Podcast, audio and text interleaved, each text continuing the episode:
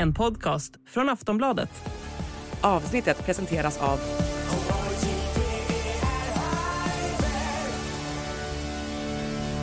Stödlinjen.se, åldersgräns 18 år.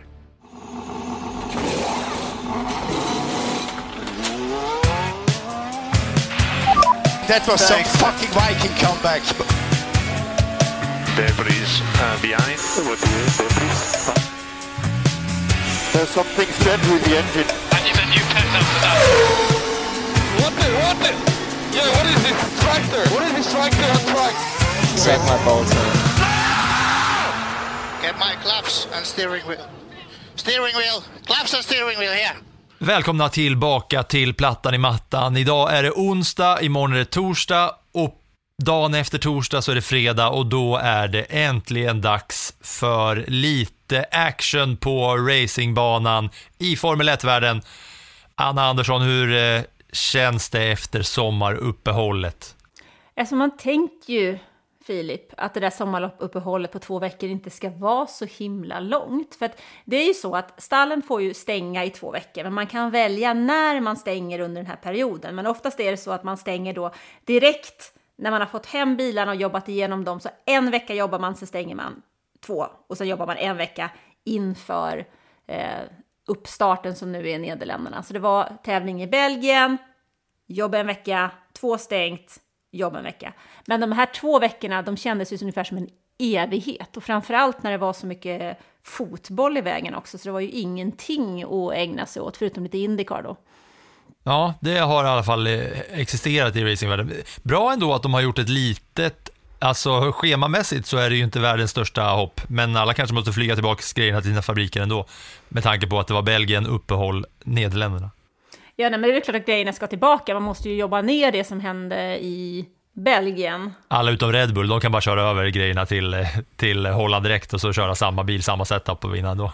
Ja, men lite så, lite så, typ. Men eh, alla, för det är ju ändå en hel del. Du måste jobba ner ett race, vad det var som har hänt eh, och se och jobba upp. Sen kommer det också en hel del tid med uppdateringar till, för nu, nu smäller det ju här ju. Nu är det ju alltså fem veckor med fyra race.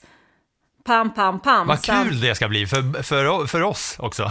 Ja, men det känns lite så äntligen. Va? Så det gör ju att det, man behöver ju förbereda sig för vad hösten ska innebära. För det är ju, man tycker nu, vi sitter där i augusti och tittar ut och det är fortfarande blå himmel och grönt gräs. Hos dig ja, Ja, nere men- i Europa, men uppe i, uppe i norr, i liksom, i Sverige. Där är det fan skitväder och det har varit, jag hörde idag att det har varit höst, alltså rent meteorologiskt, så kom hösten 8 augusti. Ja, Inte hos dig. Jag ser ut eh, på dina skånska ägor där det är eh, liksom solsken skånska äger, det är grannens äger, det är inte mina.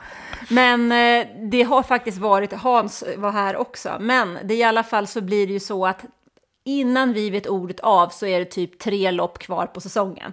Så det betyder ju att teamen, för teamens del så måste de ju ha en plan här och sätta den till verket när vi startar om för att eh, för vissa då, exempelvis Aston Martin och eh, Mercedes, så är det ju en kamp om en andra plats i det här mästerskapet och det är jätte, jätteviktigt. Ett team som eh, Alpin behöver ju också hämta hem och hämta nytt efter det som har varit. För att nu handlar det om många, många poäng och vi är i flera fall så är det faktiskt kamp om positioner och poäng i det här fallet handlar ju faktiskt om miljoner för team som Haas, Williams, Alfa Romeo, Aston Martin, Mercedes, Ferrari. Ja, och framtid för en del av förarna också. Ja, att det gäller att, att köra för, ja, det är verkligen drive to survive för en del av dem nu. Men du, höst, är det, liksom, är det höst för dig, du som är en vuxen person?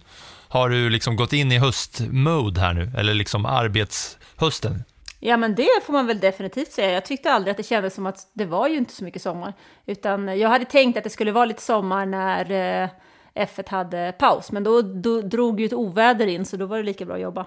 Ja, men annars är det liksom uh, ungar tillbaka i skola och det, träningarna har börjat och allt sånt där. Definitivt. Skytteltrafik mellan idrottsanläggningarna. Mm, jag brukar säga att jag har färdtjänst. Ja, ja. Ja, själv sitter jag här och kollar på regnmoln och vet att jag ska ut och golfa. Min semester pågår ju tekniskt sett, alltså på pappret, i lite, lite till innan, eh, innan jag ska tillbaka till, till stolen. Men eh, allt börjar ju dra igång här, så det, det är väl lika bra att vi smattrar igång med det vi ska prata om här och nu, va? Let's go, eller? Definitivt. Idag kommer vi köra en liten liksom, genomgång av hur teamen ligger till, stall för stall, hur förarna ligger till mot varandra och hur det ser ut inför då återstarten och resten av den här säsongen. Vi kommer kolla på varje team för sig, hur förarna har betett sig och eh, presterat mot varandra och eh, sen en liten blick framåt. Så vi kör bara eh, team för team då, eller? Och så kan vi komma in på lite andra små grejer innan. Jag har lite roliga bilder och plus och minussiffror här som är, som är roliga att se. Kanske ska man ta förarna bara 2022 versus 2023 först, innan vi tar team för team. Kan, man, kan det vara kul, eller?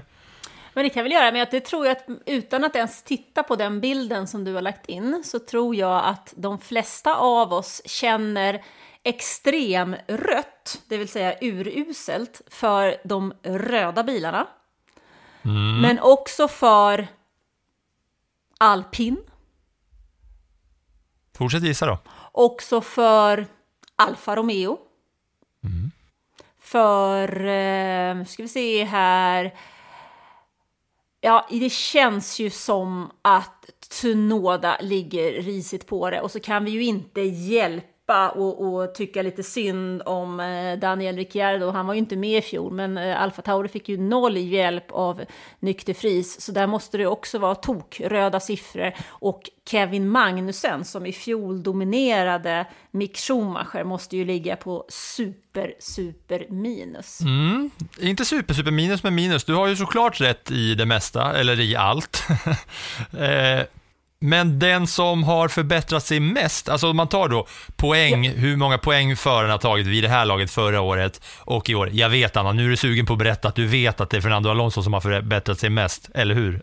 Nej men jag sa ju inte vilka som hade förbättrat sig, jag gick Nej, bara men det får jag göra, för jag vet, du kommer, du kommer ju säga allt annars, jag måste ha något att säga också. Jag har ju, som sagt, jag gör ju mitt bästa att leva som Formel 1-teamen under säsong. Jag tar ju semester när de tar semester och mitt mål då med den semestern är att vara så bortkopplad som möjligt.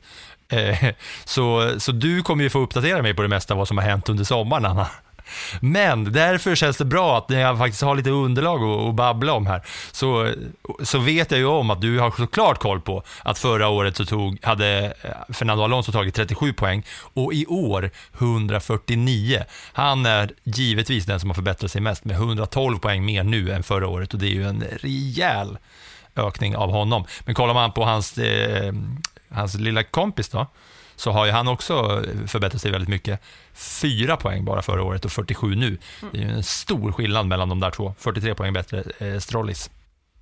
Eh, du, du, tänker nog att en skill tänker du då en skillnad mellan eh, Alonso och Stroll eller ja. tänker du mellan Aston Martin och Aston Martin? Både och. Både jag tänker både och. Ja, men i den här skillnaden ligger ju nu kanske jag går händelserna i förväg, men i den här skillnaden ligger ju att Aston Martin gjorde en total felkalkylering under inledningen av 2022 och var ju det team som låg Alltså det var en sån, vi kallade dem för sköldpadda vet jag när Nico Hülkenberg hoppade in för Sebastian Vettel som var eh, sjuk i covid i början av säsongen. Men sen lyckades ju de göra en fantastisk uppdatering av sin bil, vilket gjorde att de klev ju in under den andra halva och tryckte in poäng, vilket gjorde att de näst intill hotade om en sjätteplats. Alfa Romeo som de då slogs med var ju bäst i början av den säsongen, men sen har ju de tagit med sig den vinden i segel, plus fått en motiverad Fernando Alonso istället för en Sebastian Vettel som i fjol hade ångest för det klimatavtryck han gjorde, vilket gjorde att han körde faktiskt elbil till samtliga race i Europa i fjol för att han inte ville flyga. För han insåg att han måste sänka sitt eget koldioxidavtryck med typ 85 procent och då gick ju han och mådde dåligt av det, plus att han ville hem till sina barn. Så även om han gjorde ett säkerligen ett bra jobb med att utveckla bilen, för det drar ju de nytta av i år, Men han lyckades ju inte prestera på racen i närheten av det som den här supertaggade spanjoren har gjort i år.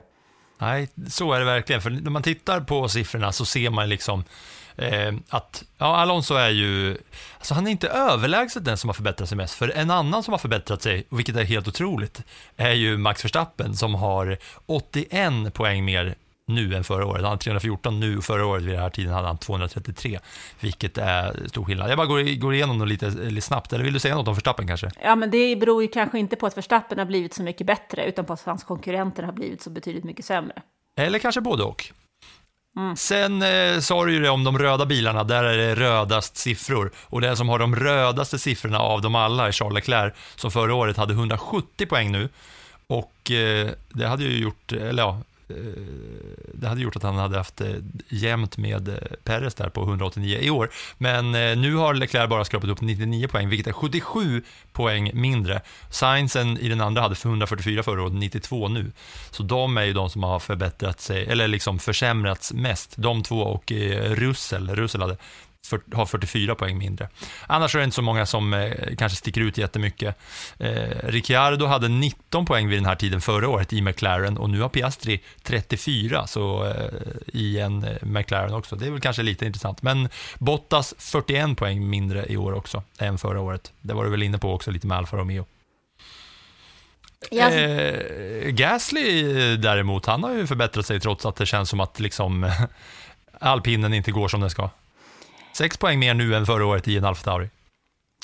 Ja, men det tror jag ligger mer i att Alfa Taurin eh, var ju i fjol inget vidare och i år är den ju under all kritik. Och eh, alpinen är ju hmm, hmm, okej, men den alpinen som vi tycker är hmm, hmm, okej är ju inte i närheten av vad den var i fjol då den faktiskt var fyra i sammandraget. Alltså det var eh, VM-fyra i konstruktörsmästerskapet i fjol. Och det är ju in, där är ju inte alpin i år. Och det är också så att han har ju, där är det lite svårt tycker jag att jämföra honom med sig själv.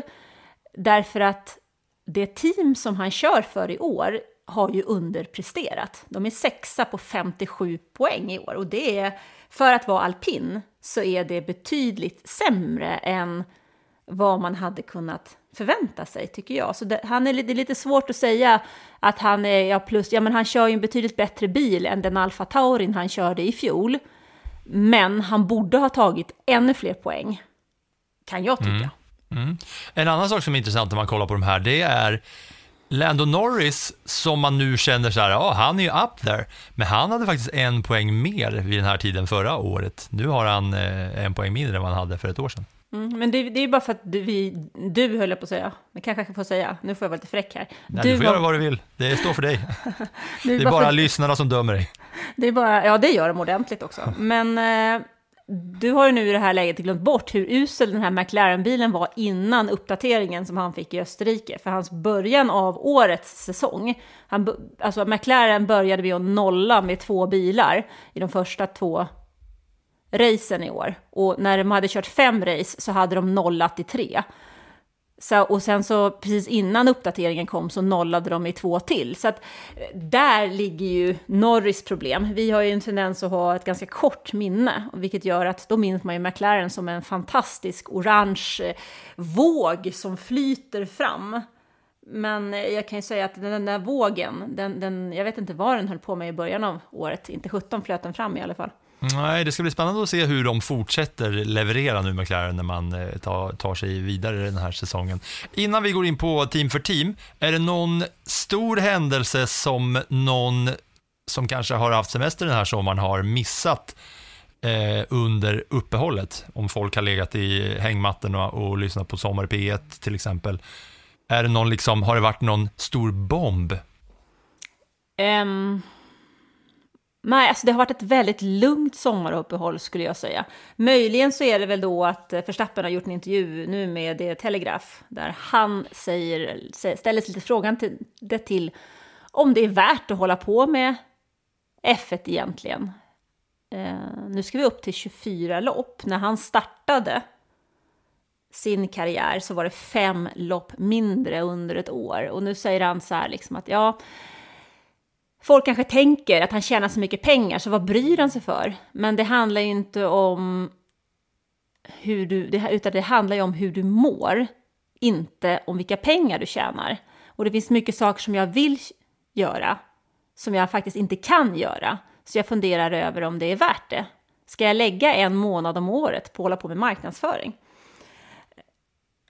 Mm, det där är ju riktiga jävla problem, alltså som alla människor i hela världen känner, känner igen sig i. Det är så jobbigt att tjäna hundratals miljoner per år och måste lägga en månad på marknadsföring. Fan vad jag tycker synd om honom alltså. Nej, men det, det, det finns ju någonting i det du säger. För att alla, tror jag, oavsett vad vi håller på med, känner ju ibland så här, är det värt att göra det här?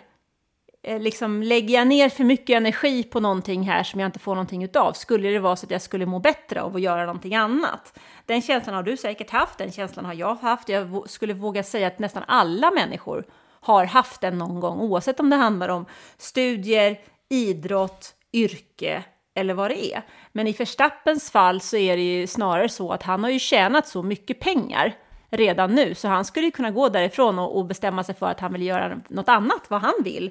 Lite grann som Sebastian Vettel som ville tillbringa sin tid med sina barn och eh, ha ett mindre koldioxidavtryck. För han har så mycket pengar så han kan göra det. Mm, de kan är... ju göra vad de vill och det är ju lite farligt. Alltså, så här, det är väl klart att han också har känslor, även fast man kan tvivla på det ibland. Men att i den positionen gå ut och gråta över att det är ett tufft liv är ju att gå på hal is och tunn is kanske det heter. Det finns ju en svensk version när Mattias Ekholm eh, som spelar NHL eh, större tiden i Nashville, som är tillsammans med Ida Björnstad, där de gick ut och grät ut i Nyhetsmorgonsoffan och sa att det är ett så himla tufft liv. Han är iväg och spelar så mycket hockey. Visst, vi har tjänat jättemycket pengar, men oj, oj, oj, det är faktiskt tufft att vara multimiljonär också och inte bara leva i liksom en tvårumslägenhet på sex pers. Det är lika jobbigt för oss. Och det kanske man ska passa sig för, känner jag. Ja, alltså det är så här att alla liv, oavsett vilket liv man väljer, har ju fördelar och nackdelar. Ehm, för Max Verstappens del kanske det i det här fallet handlar lika mycket om att han har satsat på det han håller på med, har han ju lagt hela sitt liv. Och då är jag inte så gammal. Han har ju, på, han har ju satsat alltså, som en tok på det där. Jag menar, hans pappa hämtade honom från skolan på fredagen, körde över natten ner till Italien på lördagen, testade lördag, söndag, körde hem natten till måndag och direkt till skolan. Så han har ju levt ett racingliv redan, egentligen, mm. som man kanske normalt sett skulle ha levt när man är 40. Det har han levt när han är inte ens i närheten av att vara 30. Så det kan ju ha med sådana saker att göra också. Att han tycker att han saknar sin fritid. En fritid som han borde ha haft när han var tonåring, men som han inte hade. Ja, men lite måste man ändå få tycka, håll flabben, kör bil och vill du göra något annat, gör något annat för att du vill göra något annat och säg inte att du har det så himla tufft.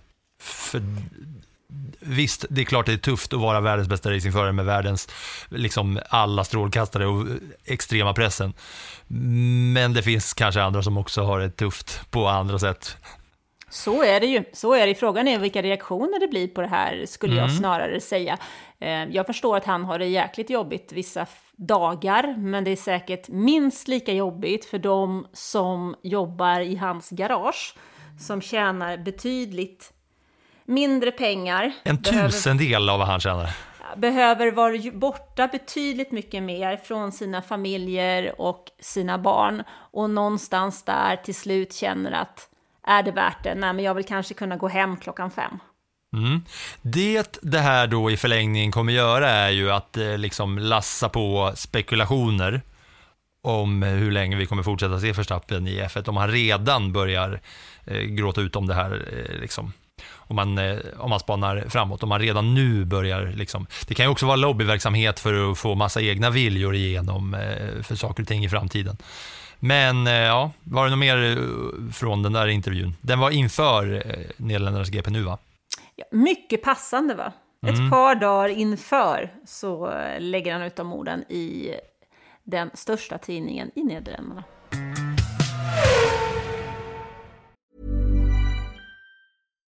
Here's a cool fact a crocodile can't stick out its tongue.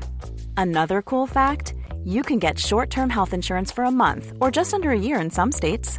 United Healthcare short term insurance plans are designed for people who are between jobs, coming off their parents' plan, or turning a side hustle into a full time gig.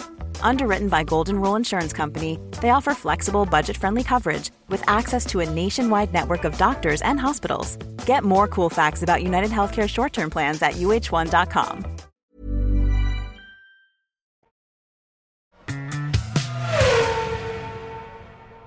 Men då smackar vi igång här bara och eh, kollar på dem, team för team. Vart vill du börja? Jag tycker, ska vi inte börja nerifrån Absolut.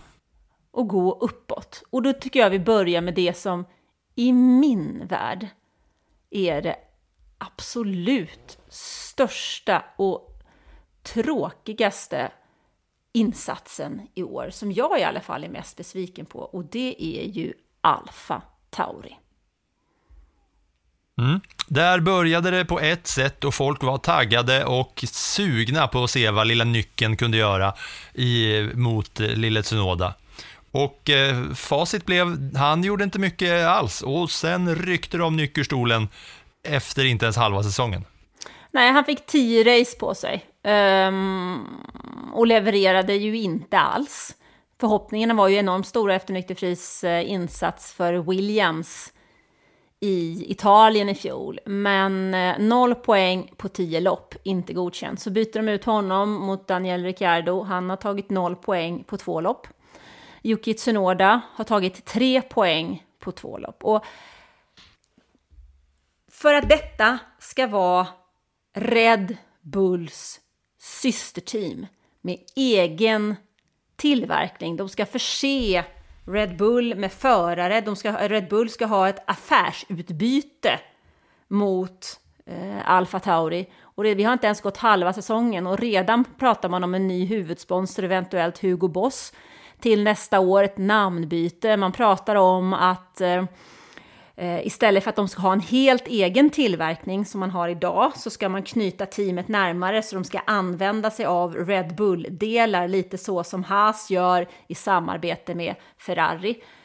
Men... Eh, Jaha. ja. Vad var sjukt då att eh, modemärket i första hand och F1-teamet i andra hand, Alfa Tauri Fashion Company, ska då ha en annan Fashion Company som huvudsponsor.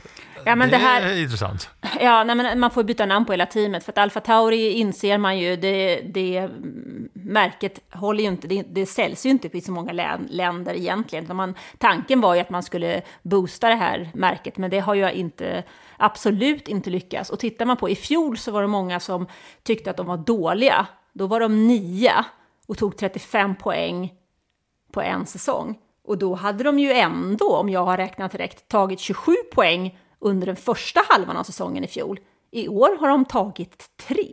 Mm-hmm.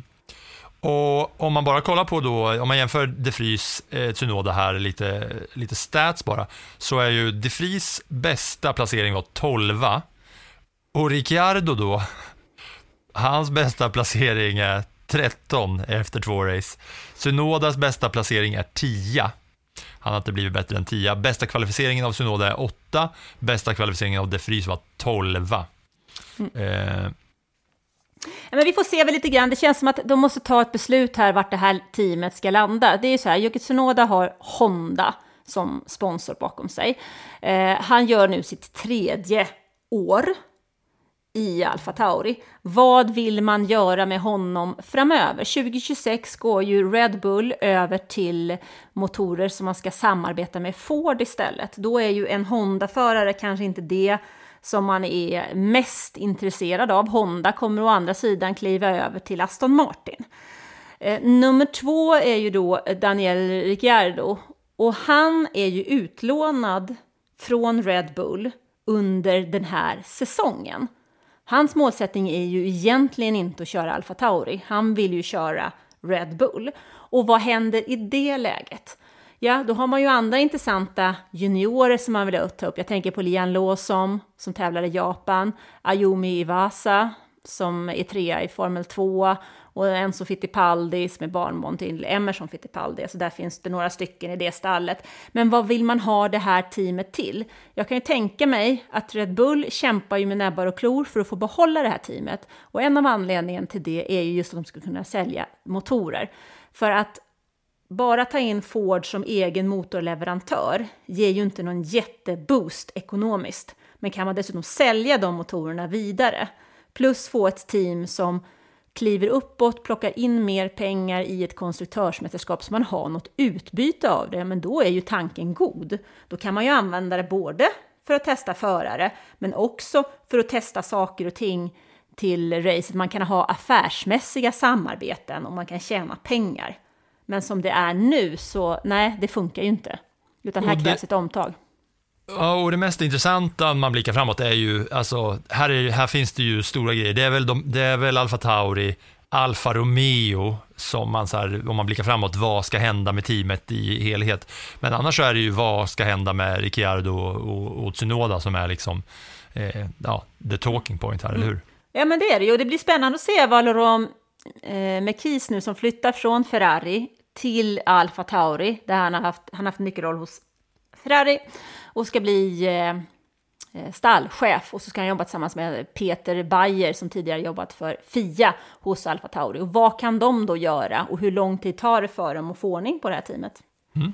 Alfa Tauri och de som är härnäst då är det andra Alfa-teamet som är Alfa Romeo och eh, ja, som, eh, som jag nämnde där tidigare så är liksom det som man funderar mycket på är ju vad ska hända? Audi har visat sin bil nu under sommaren, hur den typ kommer se ut eh, och så vidare. Vad ska hända med Alfa Romeo? Men om man bara kollar på siffrorna här så är det ju Bottas mot eh, Gianni Joe och där är det ju så att det står 8-4 i race till Bottas, det står 8-4 i kvalificering, 5-4 i poäng till eh, Bottas.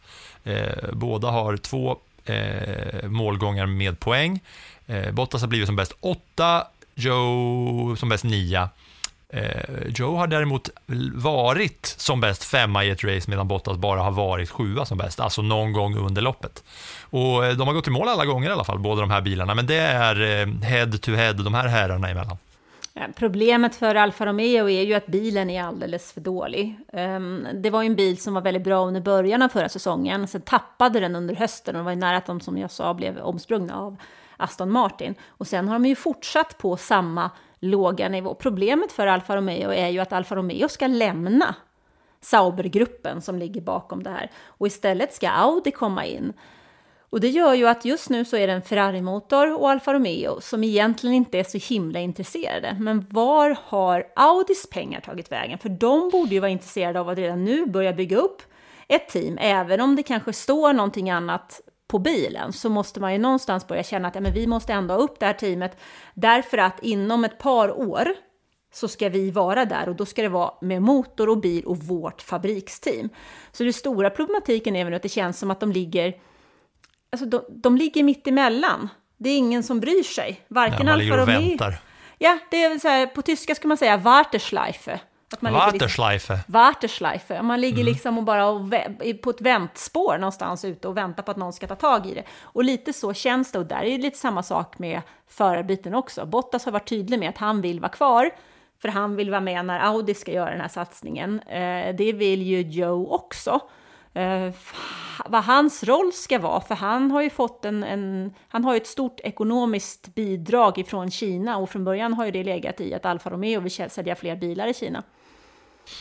Ja, och om man kollar på de där siffrorna som jag läste upp precis så låter det ju som att Bottas eh, har övertag på Joe. Men jag vill liksom höja lite ett eh, pekfinger här för att eh, deras performance of the season var ju när Joe kvalade in som femma va, i Ungern, tror jag. Ehm, ja, femma stämmer. Det är ju också så att det är ju det bästa kvalet de har gjort. Alltså, ja, det är väl det bästa kvalet de någonsin gjort. eh, Plockat från minnen här bara i liksom modern tid sedan den här podden har existerat i alla fall. Eh, Bottas har ju bara en poäng mer än Joe och de eh, eh han, har, han har gått i mål som åtta och Joe som nia. Men Joe har ju även ett fastest lap också under den här säsongen och eh, är ju den som jag tycker ändå har liksom gjort den bästa leveransen då när han kvalar. Visserligen kvalade ju Bottas bra i Ungern också och kom sjua då.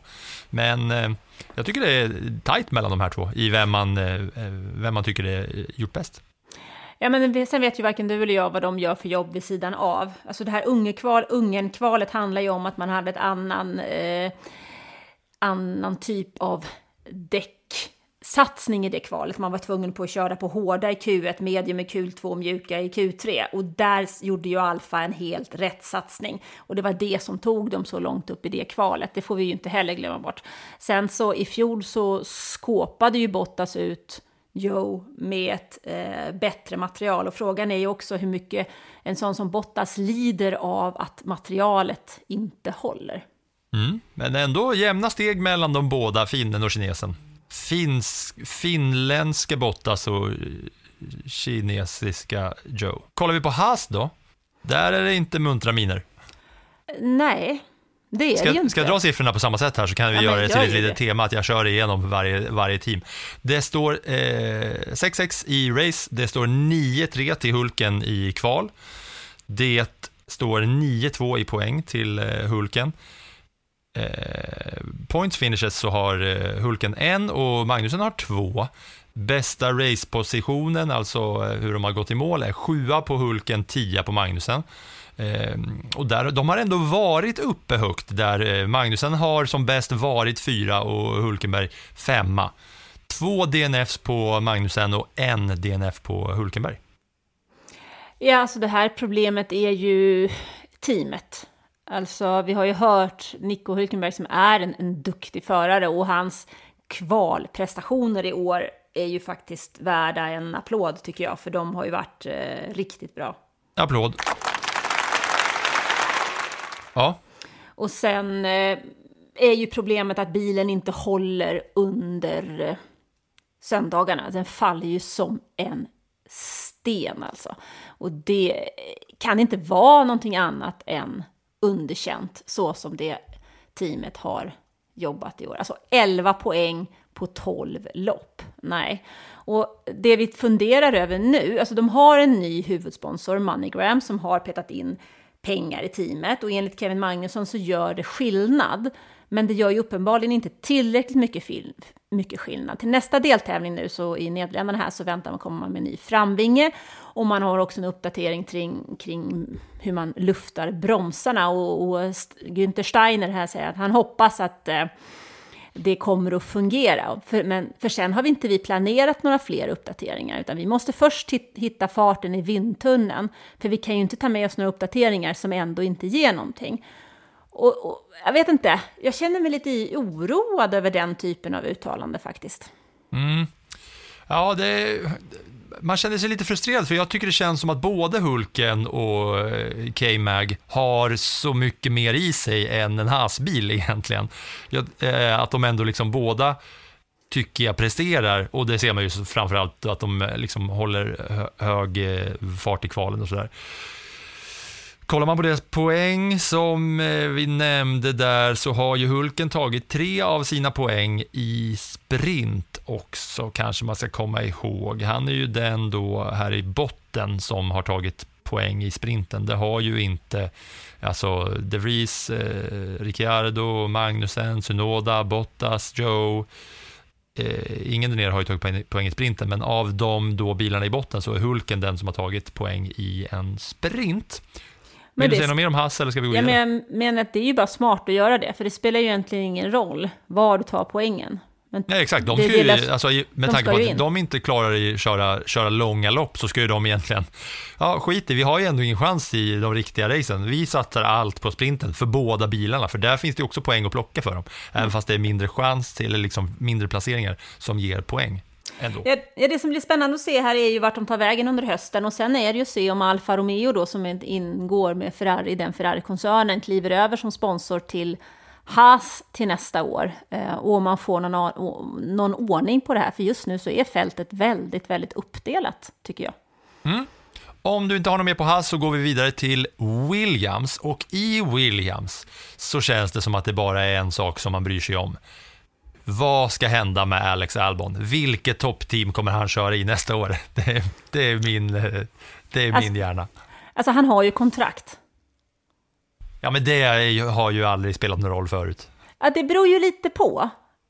Faktiskt. För att i det här läget så är det så att Williams har ju gjort en ny satsning med James Vowles som eh, stallchef. Man har också nu plockat Pat Fry från eh, eh, Renault eller Alpin. och man gör ju en satsning för att bygga upp det teamet framåt för att se vad det kan göra. Och då handlar det ju om inte bara vad Albon vill ha, utan det handlar också om vad teamet kan betala till Williams. Och om Williams värderar det mer än att ta de poängen som man gör med Albon. För, för ärligt talat så är han ju ensam poängplockare i det teamet. Logan Sargent, ja, jo, visst, han gjorde en bra säsong i, i eh, Formel 2. Han kom från Williams akademi, han är amerikan, tre lopp i USA.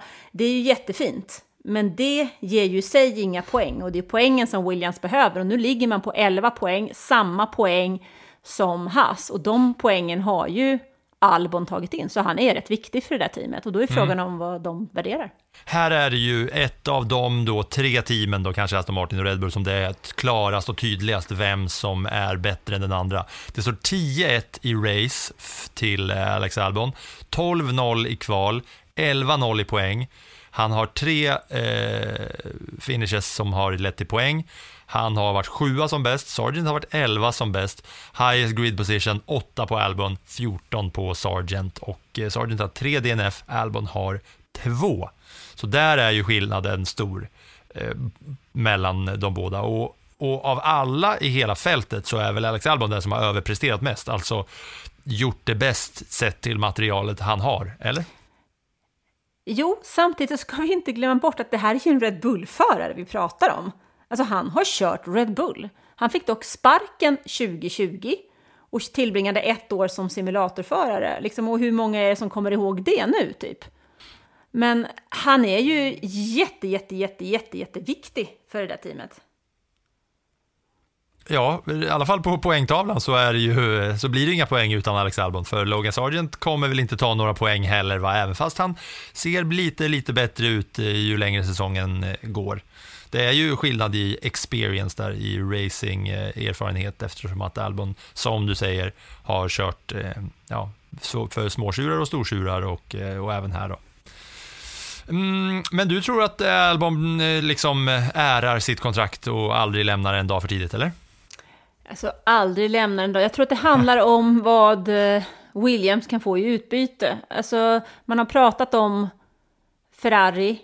Man har också pratat om att eh, alltså Red Bull var lite sugna på honom men konstaterar att han har kontrakt. Det handlar hela tiden om att göra med alltså vad, vad är han värd? Hur mycket är han värd? Och den frågan kan nog bara James Vowles svara på, inte jag. Ja, det, kan, det är nog svårt att veta. Det hade varit sjukt om vi visste på siffran exakt. Ja, men han är värd ungefär det här på 2,8 miljoner dollar eller valfri valuta. Ja, vi lämnar Williams och går vidare till nästa team, Alpin. Och där står det, det här är jämnast tror jag bara av att jag tittar på eh, siffrorna hur det ser ut. 5-4 i race till fördel Esteban Ocon, 6-6 i kval, lika.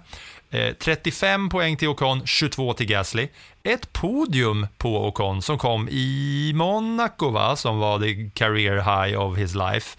Eh, ja, trea Monaco, sjua har Gasly kommit som bäst eh, och Ocon har som högst varit tre under ett race, Gasly har som högst varit femma under ett race och vi har 4-3 i DNF. Det är alltså sju DNF totalt. Fast jag skulle inte vilja kalla Monaco för, för karriärhöjdpunkt för Nej, Ocon, han för ett race, han ja. har ju vunnit ett race. Ja, va? men nej, ja, jo, fasen. Ja, han, jo. vann, han vann i Ungern. Ja, jag men vet. Är det inte för en fransos då? Större att stå på podiet i Monaco? Nej. Nej, jag tror ändå att en seger är värd mycket mer i alla fall. Nej, Ja, jag tror nog borde det Men oavsett vad så är i alla fall alpin för mig en av årets absolut största besvikelser. Inte bara för att de har tagit betydligt färre antal poäng i år. De ligger sexa i världscupmästerskapen. Utan också för det sätt som teamet har uppträtt. Jag menar, inför säsongen så fick Alain Prost sparken från sin roll som ambassadör och så ersatte man honom med Zinedine Zidane.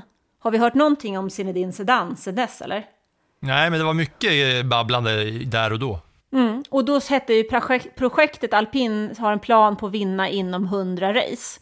Och eh, Ottmar Safnauer som var chef i juni menade Han fick 12. på... Ja, Ja, men han menar att nu har vi kört runt 30 race. Så vi har väl typ tre år på oss att börja vinna liksom. Ehm, men det var han ju inte i närheten av, för han fick ju gå fort som 17. Precis som flera andra ledande medarbetare i det här te- teamet. Och där någonstans så känner jag att jag är, jag är besviken. För jag tycker inte att man...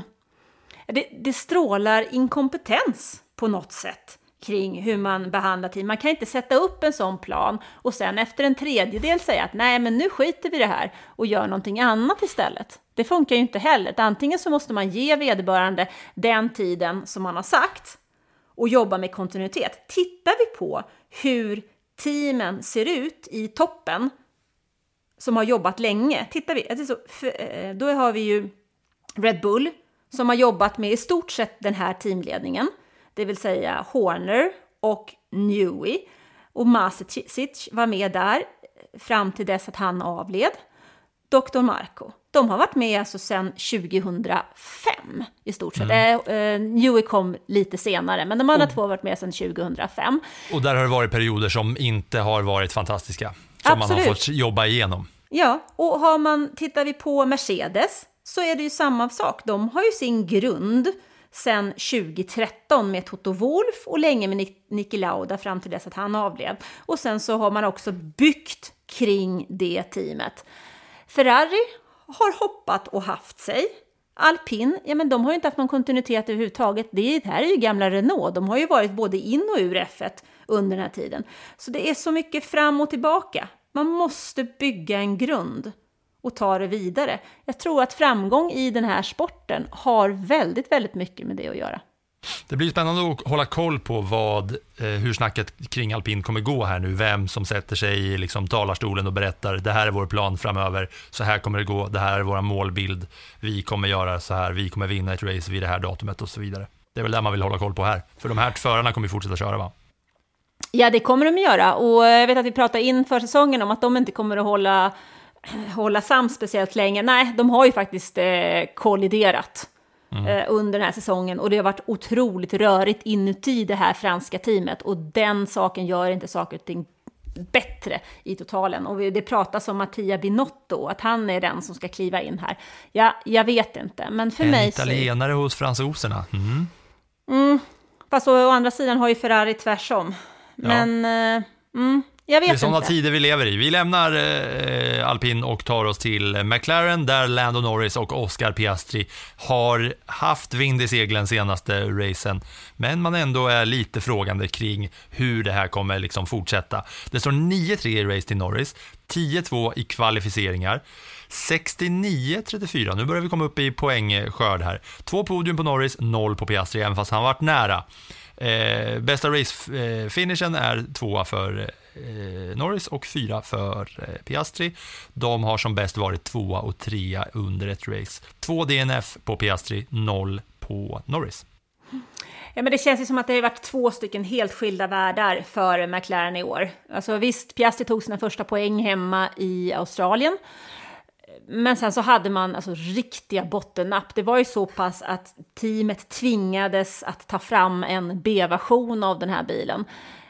Och Eh, det lyckades man ju med bättre än någonting annat. Det var ju väldigt, väldigt tydligt i Österrike när Lando Norris fick tillgång till den nya bilen och kör in som eh, fyra. Han startade också från ruta, ruta fyra. Eh, Piastri som startade med den gamla bilen, han startade från ruta 13 och, och tappade sen och var 16 gubbe i mm. mål. En vecka senare så hade de hunnit producera ytterligare en ny bil och då kvalar Norris och Piastri in som tvåa, trea och i mål säger de tvåa, fyra.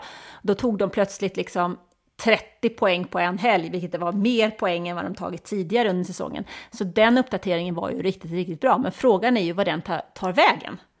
Mm, exakt, det är precis det jag sitter och tänker på också. Vad, hur länge kommer den här uppdateringen vara bättre än andra bilar när de kommer med sina uppdateringar på samma sätt som Aston Martin chockade alla i början av säsongen, men nu har blivit omkörda av bland annat McLaren. Kan alltså, det vara så att de har en sån superuppdatering nu och andra bilar hinner ikapp under resterande delen av säsongen? Alltså de har ju en eh, uppdatering till som kommer att preste- eh, presenteras här efter sommaruppehållet. Den är tänkt då för snabba banor som Monza och Las, We- Las Vegas. Så att de har ju gjort en, en långtgående satsning och en tanke på att ta det vidare. Ehm, de har ju använt sig av Toyotas gamla vindtunnel i eh, Köln och jobbar med att ta fram en ny vindtunnel till eh, sin fabrik i Woking. Men den är inte klar än och man kommer att jobba vidare med Toyotas i år för att sen fram till 2025 använda den här egna nya. Man vill liksom inte blanda bilen för 2023 i två olika vindtunnlar, utan man fortsätter konceptet nu och håller det hela vägen ut. Jag tror att, eh, men det var jag tror, att eh, McLaren kommer att ha en hyfsad eh, höst framför sig. För jag tycker att det känns som att de har hittat någonting eh, och de har fått lite positiv känsla i sitt arbete på att gå vidare. Jag tror och hoppas att eh, det kommer fortsätta eh, gå bra för McLaren. För jag har i Motor Manager gått all in på eh, McLaren nu med både Norris och Piastri och dubbla McLaren-enheter i depå och som konstruktörsbil i min tävling mot vår fotbollsexpert Makoto Asahara och vår förra medarbetare Micke Ljungberg där vi tävlar om en pangmiddag ute. Och jag tror inte de har hängt med på att det går bra för McLaren för att jag var ju sämst i början, som alltid. Men eh, jag, jag, jag, jag går hårt på McLaren och kommer även eh, slänga in lite bets framöver på eh, hyper hos våra vänner där va, i kommande race för att hålla ett extra öga på McLaren. Ferrari då, där är det röda siffror och röda känslor hos eh, hos italienarna. Eh, relativt jämnt i år ändå. 7-5 i race till Leclerc, 8-4 i kval till Leclerc. Det står 99-92 i poäng. Tre podiums på Leclerc, noll på Sainz. Eh, Leclerc var tvåa, Sainz fyra som bäst och på banan har de varit etta och tvåa faktiskt. Två DNF på Leclerc och en på Sainzen. Ja, alltså Ferrari började också långt efter sina egna förväntningar. Sen fick de ju pressa fram uppdateringar och plocka in dem kanske en, en och en halv månad tidigare än vad som var planerat. Så klarade de av att lyfta sig lite grann och förbättra resultaten. Men typ tre pallplatser på 12 lopp, det är ju inte, det är ju inte i närheten av att vara godkänt för Ferrari. Alltså, det är sjukt alltså på två bilar bara ha tre podiums under alla de här. Ja, nej, men alltså de måste, de måste lära sig att hitta rätt struktur och att maximera bilens potential i allt de gör. Och då pratar jag inte bara om, om bilen, utan då handlar det om hela teamet. Det handlar ju om de som tar fram uppdateringarna. Det handlar om att producera uppdateringarna. Det handlar om att tolka siffrorna i vindtunneln på rätt sätt. Det handlar ju om strategi och depådesken, det handlar om förare. Där vi har en Carlos Sainz som själv hela tiden sitter och skriker och ska bestämma själv när han ska gå i, gå i depå och inte. Men han har ju en bild. Någonstans är det väl ändå så att teamet som jobbar åt honom måste ha en betydligt större bild än vad han har. Vi måste börja få, få en, en fas, för det känns som att det spretar åt alldeles för många håll. Och jag vet inte, den här Monaco där, där Leclerc liksom har pole position och sen blir fyra i mål. Det ska ju inte ens vara möjligt. Men det känns som att det har varit så symptomatiskt för hela den här säsongen. Att det är så mycket annat som stör i deras bubbla. Istället för att alla fokuserar på en sak och får en röd kraft som jobbar ihop. Så spretar det åt olika håll och så börjar liksom Science att prata om att ja, jag vill ha klart med mitt kontrakt för 2025 innan jag startar säsongen 2024. Ja. Och det kommer uppgifter om att Leclerc redan har börjat förhandla och ska få något. Så det är så mycket annat som är runt det här teamet. Mm. Ja, det, är ju en, det är ju en eh, rolig meme som har snurrat runt, som jag har sett, där det är så här, ja men teamwork, messy meme, där det är liksom streckgubbar som drar åt samma håll. Det är en stor vagn och så ser man då så här, Mercedes, då ser man Hamilton, Russell, Toto, och teamet, alla drar åt samma håll. Sen är det bild på Ferrari där Leclerc drar framåt och Sainz puttar bakåt och någon i teamet puttar framåt. Sen är den tredje Aston Martin där eh, Alonso kör framåt och Lance Stroll drar åt andra hållet. Men eh, just ur Ferrari så känns det ju som att det är den där interna interna fighten som är av nyfikenhet framöver. Men och sen så är det ju så att eh, många, många gånger när jag har varit iväg på F1 och när man går förbi garagen och tittar, står utanför Mercedes garage så ser man verkligen att alla vet var de ska gå. Alltså det är så otroligt strukturerat. Oavsett om de är bäst eller inte så är det struktur. Alla har sitt jobb. Står man utanför Ferraris garage så är det liksom det är som en myrstack med folk som springer. Nu hårdrar jag saker och ting, men... Två står och röker cigg och snackar, någon annan sitter och kollar på Netflix, någon tredje sitter och kollar på eh, fotboll. Ja, nåja, men det är inte alls samma struktur ner i minsta detalj. Och det är väl lite det här som Fred Vassör ska fixa. Men hittills så har han inte kommit tillräckligt långt för att det ska kunna ge något resultat. Mm. Men eh, det känns inte som att Ferrari kommer göra några mirakel under eh, andra halvan av säsongen här, utan det kommer vara lite same old, same old, va? Jag skulle bli överraskad om det gör det. Samtidigt mm. så hoppas jag ju, för jag vill ju precis som alla andra ha en jämnare topp. Mm. En annan grej som är värt att notera med Ferrari är ju att Leclerc, han har ju tagit pole position två gånger och det är han bara, det är bara fyra förare som har tagit pole position. Det är Verstappen, Perez och eh, Hamilton som tog det i Ungern och sen eh, Leclerc som har tagit det två gånger. Det är av intresse ändå, tycker jag. Och så går vi vidare till nästa team då, som är tack vare sin bländande start, överraskningen The Season, där det också är utklassning förarna emellan om man tittar på Fernando Alonso mot eh, Lance Stroll Strulovic. Där det står 11-1 i race till Alonso. Det står 10-2 i kval till Alonso, 149 mot 47 i poäng. 6 podium på Alonso, 0 på Stroll. Tvåa eh, som bästa placering för Alonso. Han har ju varit sugen på att ta en eh, race-seger, men än så länge har det inte blivit någon. Kommer väl inte bli någon heller. Lance Stroll har varit fyra som bäst. Highest grid position är tvåa på Alonso, femma på Lance Stroll och de har bara en DNF och den kom på Strollen. Och här ja, men... är det väl klart och tydligt vem som, eh, vem som är kungen i Ungern, va?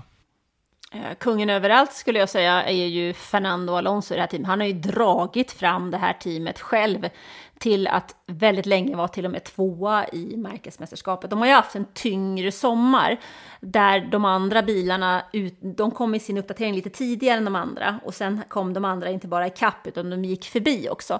Eh, däremot så har Aston Martin varit tydliga med att de kommer att utveckla hela den, den här säsongen. Alltså årets bil kommer att utvecklas så länge det bara går. För andra platsen i mästerskapet är väldigt, väldigt viktig för dem. Och då pratar jag om konstruktörsmästerskapet.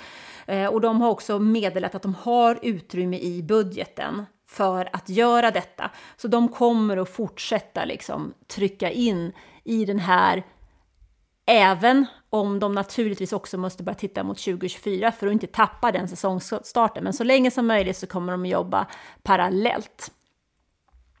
Mm. Ja, och de kommer att satsa allt. Ja, det som jag kan känna lite mer är ju så här, hur länge ska det vara okej okay för Lawrence Stroll att ha sin son i bilen? Han blir ju fullständigt, han är liksom inte omkörd, han är överkörd av Alonso. Eh, det ryktas lite om att Stroll kanske ska lämna F1 för att börja göra någonting annat, plugga för att sen eh, ta över pappas företag eller sånt. Ja, kanske är det så att det hade varit ett bättre alternativ att peta in en annan förare in till Stroll så att de plockar så mycket poäng tillsammans, för det här kommer ju inte hålla i längden, tycker Nej, jag. Och, det är väl frågan framåt också. Eh vem som kommer köra bredvid Alonso, för det är ingen snack om att Alonso kommer eh, ge det här en säsong till, eller hur, minst. Men eh, ja, Strollen, där är ju stora frågan alltså. Det känns sjukt att han skulle sätta sig i en pluggstol efter att ha suttit i en racingstol hela livet. Att Vadå? han skulle behöva lägga manken till lite grann. Men det har ju Nicolas eh, Latifi gjort. Ja, det har han ju gjort, men det här är lite, lite annat. Här är pappa verkligen chefen.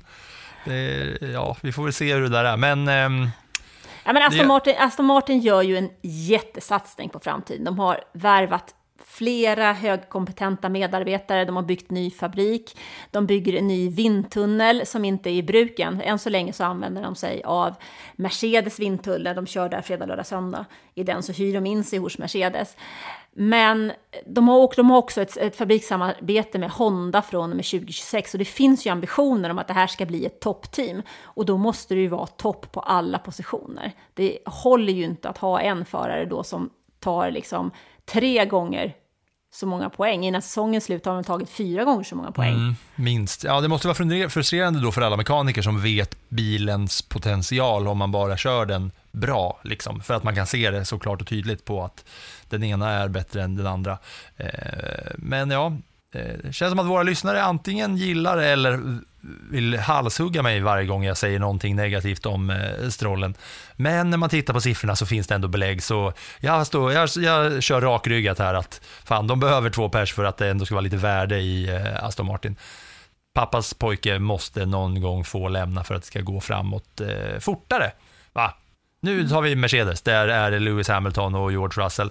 Där är också, det är liksom, Mercedes är liksom tvåa och det är sneaky tvåa i eh, totalen, tycker jag det känns som.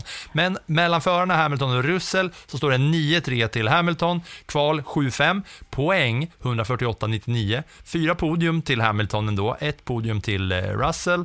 Eh, Hamilton har blivit tvåa som bäst, Russell har blivit trea som bäst och de har ju haft grid position 1 och 2. Två DNF på Russell, men här är det ändå Hamilton som visar att gammal är äldsta. Ja, men det beror ju mycket på att Russell har brutit. Det är väl motorproblem en gång, va? och sen så var det, vad var det sen då? Det var problem med bromsar eller något liknande, va?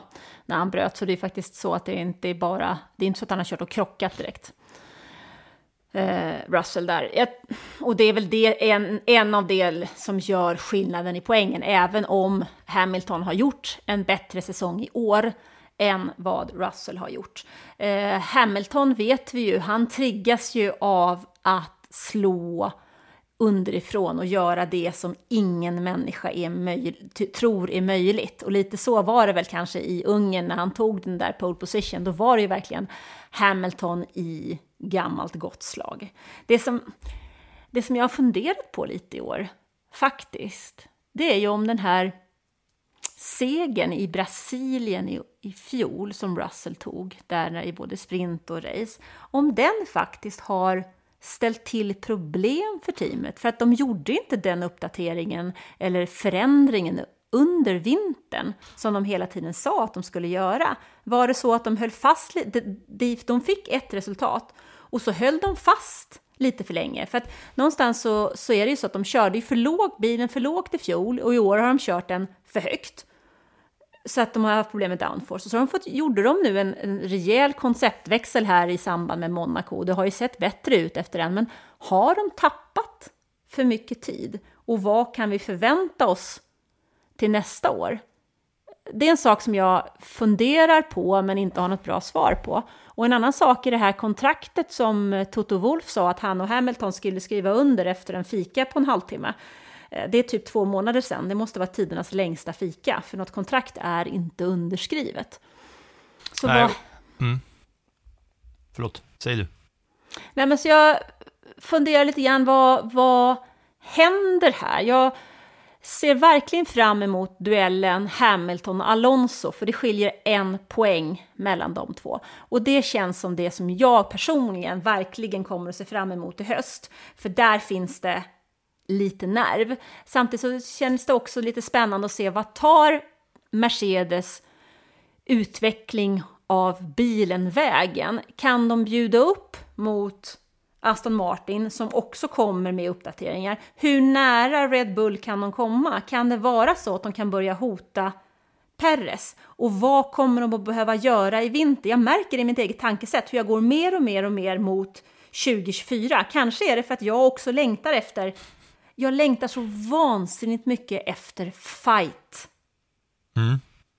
Ja, och, och, det hör man ju på dig när du liksom greppar efter lite halmstrån där mellan Alonso och eh, Hamilton. Va? Även fast det är som, eh, ja, eh, den fighten som kommer finnas. Eh, det känns väl som att Mercedes har lite mer eh, fart under vingarna i nuläget. va? Men jag tycker, alltså det, det som är intressanta med Mercedes tycker jag, det är ju hur får de ordning på det här nu när de övergav sitt första koncept och gick all in på Red Bull-konceptet bara med, med nya sidepodsen. Det är ju fortfarande relativt nytt för dem den här säsongen att bilen ser ut som den gör och de ska fortsätta utveckla alla siffror som de får med, det här nya, eh, med den här nya bilen då, eller med nya eh, chassit liksom. Eh, eller hur?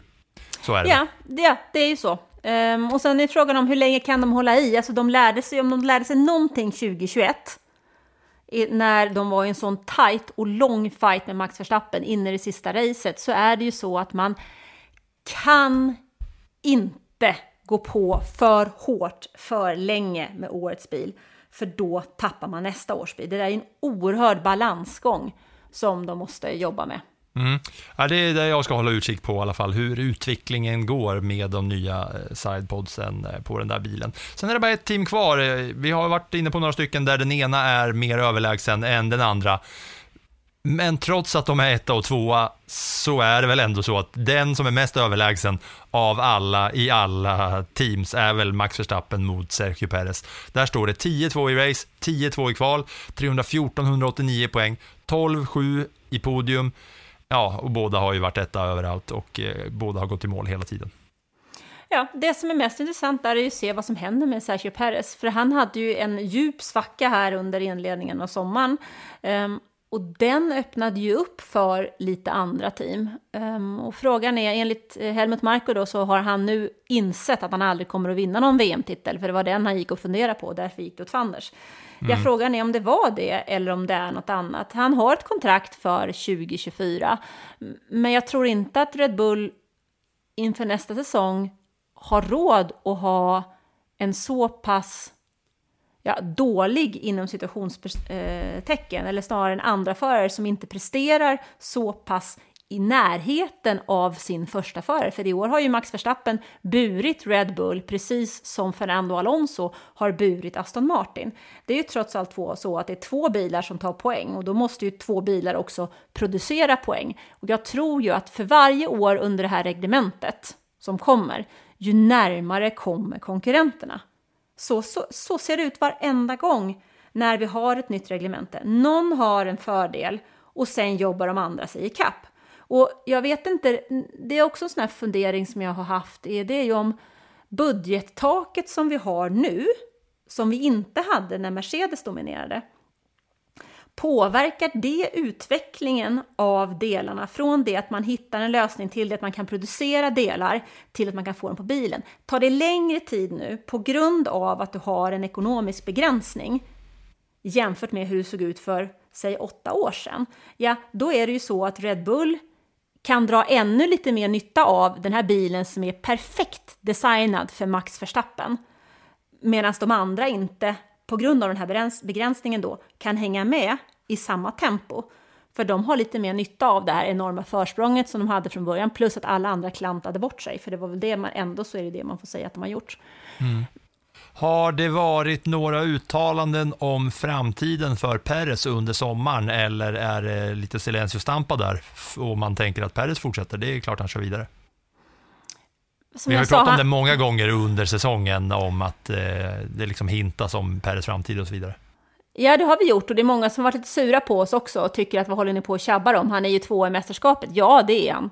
Absolut. Um, och ja, det är inte bara han... vi, det är inte bara vi som har eh, liksom, eh, nämnt Peres framtid. Det har ju hintats om i, i teamet och lite överallt. Ja, men det är ju lite så som jag sa, att eh, Red Bull behöver ju kunna eh, kontrollera sina konkurrenter och för att göra det så behöver man ha, kan man inte ha en förare som har tagit 314 poäng och en annan som inte ens har nått upp till 200. För att det är där problematiken ligger i slutändan, att det är ett sånt stort gap. Eh, för man kan inte räkna med att Max Verstappen kommer att vara så här överlägsen varje säsong. Och F1 är ju, jag har sagt det hundra gånger tror jag, men det är ett utvecklingsrace.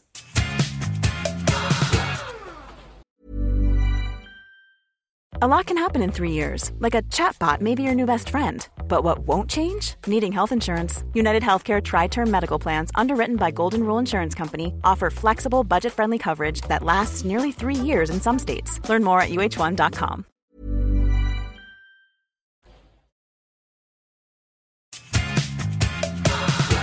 Mm. Eh, nu är det ju då race snart. Det är bara två dagar bort innan de sätter sig bakom spakarna igen. Och eh, vi ska köra på Zandvoort eh, där det finns många duvor och mycket orangea bengaler som är det som inte händer på racingbanan. Berätta om Nederländernas GP ska hosta halsen av mig här i Jag höll bakgrunden. på att säga, fick du en duva i halsen eller vad var det, vad var det som hände? Ja, han blir Medans, gammal. eh, medans eh, flugorna, nej, inte flugorna, utan duvorna flyger ut ur Philips hals, så kan vi väl prata lite grann om Nederländernas GP då, då i Sandwatch. Där eh, gjorde vi faktiskt en comeback 2021 efter 36 års frånvaro. Max Verstappen har ju tagit tillbaka Formel 1 till sitt hemland. Han är ju född i Belgien, men han tävlar för Nederländerna. Eh, på banan så har, vann Alberto Ascari det första loppet 1952. De två åren efter comebacken nu då, så har Max Verstappen vunnit båda. 14 segrar har tagits från pole position och man har aldrig vunnit från en högre startposition än position 10 och båda de gångerna var på 1980-talet. Det man ska notera är ju vid sidan av de här fansen då och den här röken som kan ställa till vissa problem. Där har arrangören sagt att man ska hålla bättre koll på det i år. Vi ska också notera den här bankade kurvan vid målgången. Alltså, den eh, ser man ju ganska tydligt. Och det som är lite kul med den, det är att den har faktiskt en, en säger man högre lutning? Ja. än vad Indianapolis Motor Speedway har, där Indy 500 körs. Så den är Bankade lite... kurva menar du alltså då kurvan som går till höger innan start och mål som då lutar så att säga. Där om man Mm. är på vänsterkanten så är man hö- högt upp och om man är på högerkanten är man långt ner. Det liknar ju då velodromcykling. Ja, men precis. Och den har alltså högre lutning då än vad, de, vad man har på Indianapolis Motor Speedway. Det är Jag tycker högre lutning känns rätt. Ja, högre lutning kanske man kan säga. Tider att hålla koll på då, det är 15.00 kval och race. Ja, och sen är det gamla hedligt, gammal hedlig träning.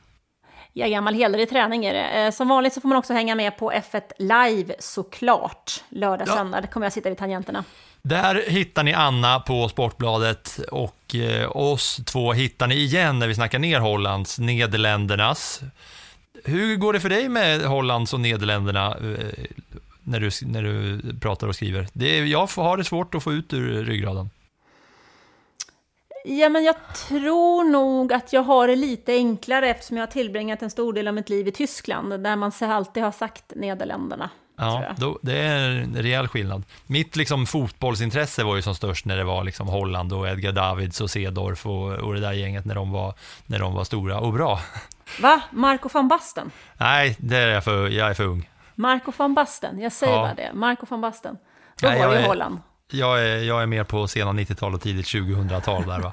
eh, men eh, nu eh, blickar vi fram då mot eh, Nederländernas GP och eh, Zandvoort på den bankade kurvan och säger att det är väl härligt att det är eh, race-säsong igen. Och nu vet ni att varje vecka så kommer vi kunna snacka ner race också.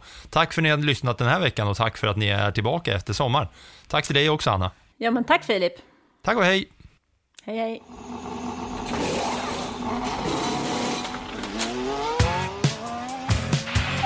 That was some fucking Du har lyssnat på en podcast från Aftonbladet. Ansvarig utgivare är Lena K Samuelsson.